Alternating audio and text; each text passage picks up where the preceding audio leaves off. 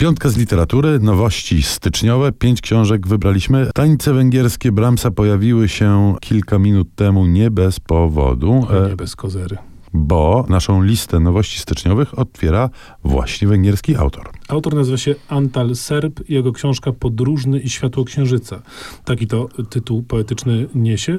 To jest książka, która już wyszła. Tak, to jest wznowienie, ale wyszła ona po raz pierwszy przed wielu, wielu laty, przed kilkoma dekadami i chyba przeszła bez specjalnego echa, a nie słusznie, bo pan Serb jest pisarzem niezwykle ważnym i istotnym dla węgierskiej literatury, pisarzem przedwojennym. To się trochę takie porównanie, jeśli chodzi o biografię, z naszym Brunonem Schulzem y, tworzą, bo on dość krótko działał. Właściwie wszystko, co napisał, powstało w ciągu jednej dekady i został zamordowany podczas okupacji, podczas II wojny y, światowej, jako że był żydowskiego pochodzenia, z czego może nawet nie do końca sobie sprawę zdawał, w każdym razie nie do końca traktował to przed wojną poważnie. Natomiast podobieństwa są głównie biograficzne. Tak, bo powieść jest jednak zupełnie inaczej napisana. Serb pisze takim stylem prostym, bezpośrednim, gęstym, ale nie ma tutaj żadnych takich językowo-ekwilibrystycznych wariacji.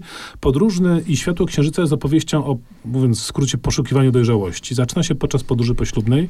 Bohater tej historii, już nie taki młody Michali, razem ze świeżo poślubioną żoną jadą w podróż poślubną do Włoch. I podczas tej podróży pewne tajemnicze rzeczy zaczynają się dziać. Przede wszystkim Michali opowiada swojej małżonce o pewnej fascynacji parą rodzeństwa, z którymi zadawał się w wczesnej młodości. I w wyniku jakichś takich niepokoju, y, który toczy bohatera, jakby ucieka, zrywa się powiedzmy z tej podróży poślubnej, wsiada ni to przypadkiem, ni to celowo do błędnego pociągu i drogi małżonków się rozchodzą. Nasz bohater jakby rzuca się w taki, powiedziałbym współczesnym językiem, takiego giganta, e, tyle że e, ślubnego, nie wiedząc, co ma zrobić. Nie chce wracać do żony, nie chce wracać do kraju. To wszystko jest jakimś taką próbą znalezienia sobie miejsca, ale Fantastyczne w tej książce jest to, że ona w ogóle od, od, odbiega od sztampy, że ona rzeczywiście jest zaskakująca nie w takim czysto fabularnym sensie, tylko w sensie decyzji bohaterów, którym, ja muszę powiedzieć, i to nie tylko temu głównemu, ale także chociażby jego żonie, bardzo kibicowałem. Kolejna na naszej liście styczniowych nowości to książka, której streścić się nie da. Książka zapowiedzianego już Boba Dylana, który napisał dawno temu, opublikował z pewnym opóźnieniem e, książkę pod tytułem Tarantula. Książka... To jest pokłosie jego noblowskiego sukcesu, że tak go dostajemy obficie wydawniczo. tak sobie myślę, natomiast książka wyszła na początku lat 70. w Stanach Zjednoczonych. E, Nikt w nią nie wierzył, nie wierzył w nią wydawca, nie wierzył w nią sam Dylan. E, Z, bardzo nie podobała się ona krytyką. E, Książka rzeczywiście e, trudna, trudna e, w lekturze. Jest to eksperyment mm, gdzieś zawieszony pomiędzy prozą a wierszem.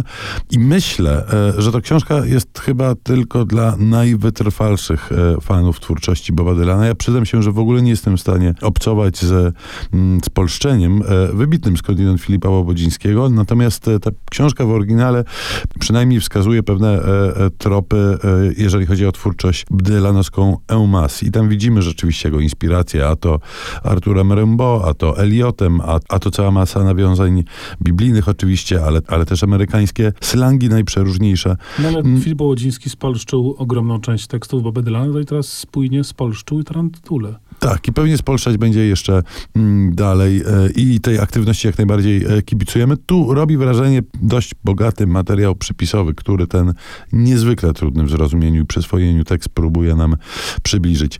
Tak też książka, cieszymy, że się ukazała, natomiast z takim ostrzeżeniem tylko dla dorosłych dylanofilów.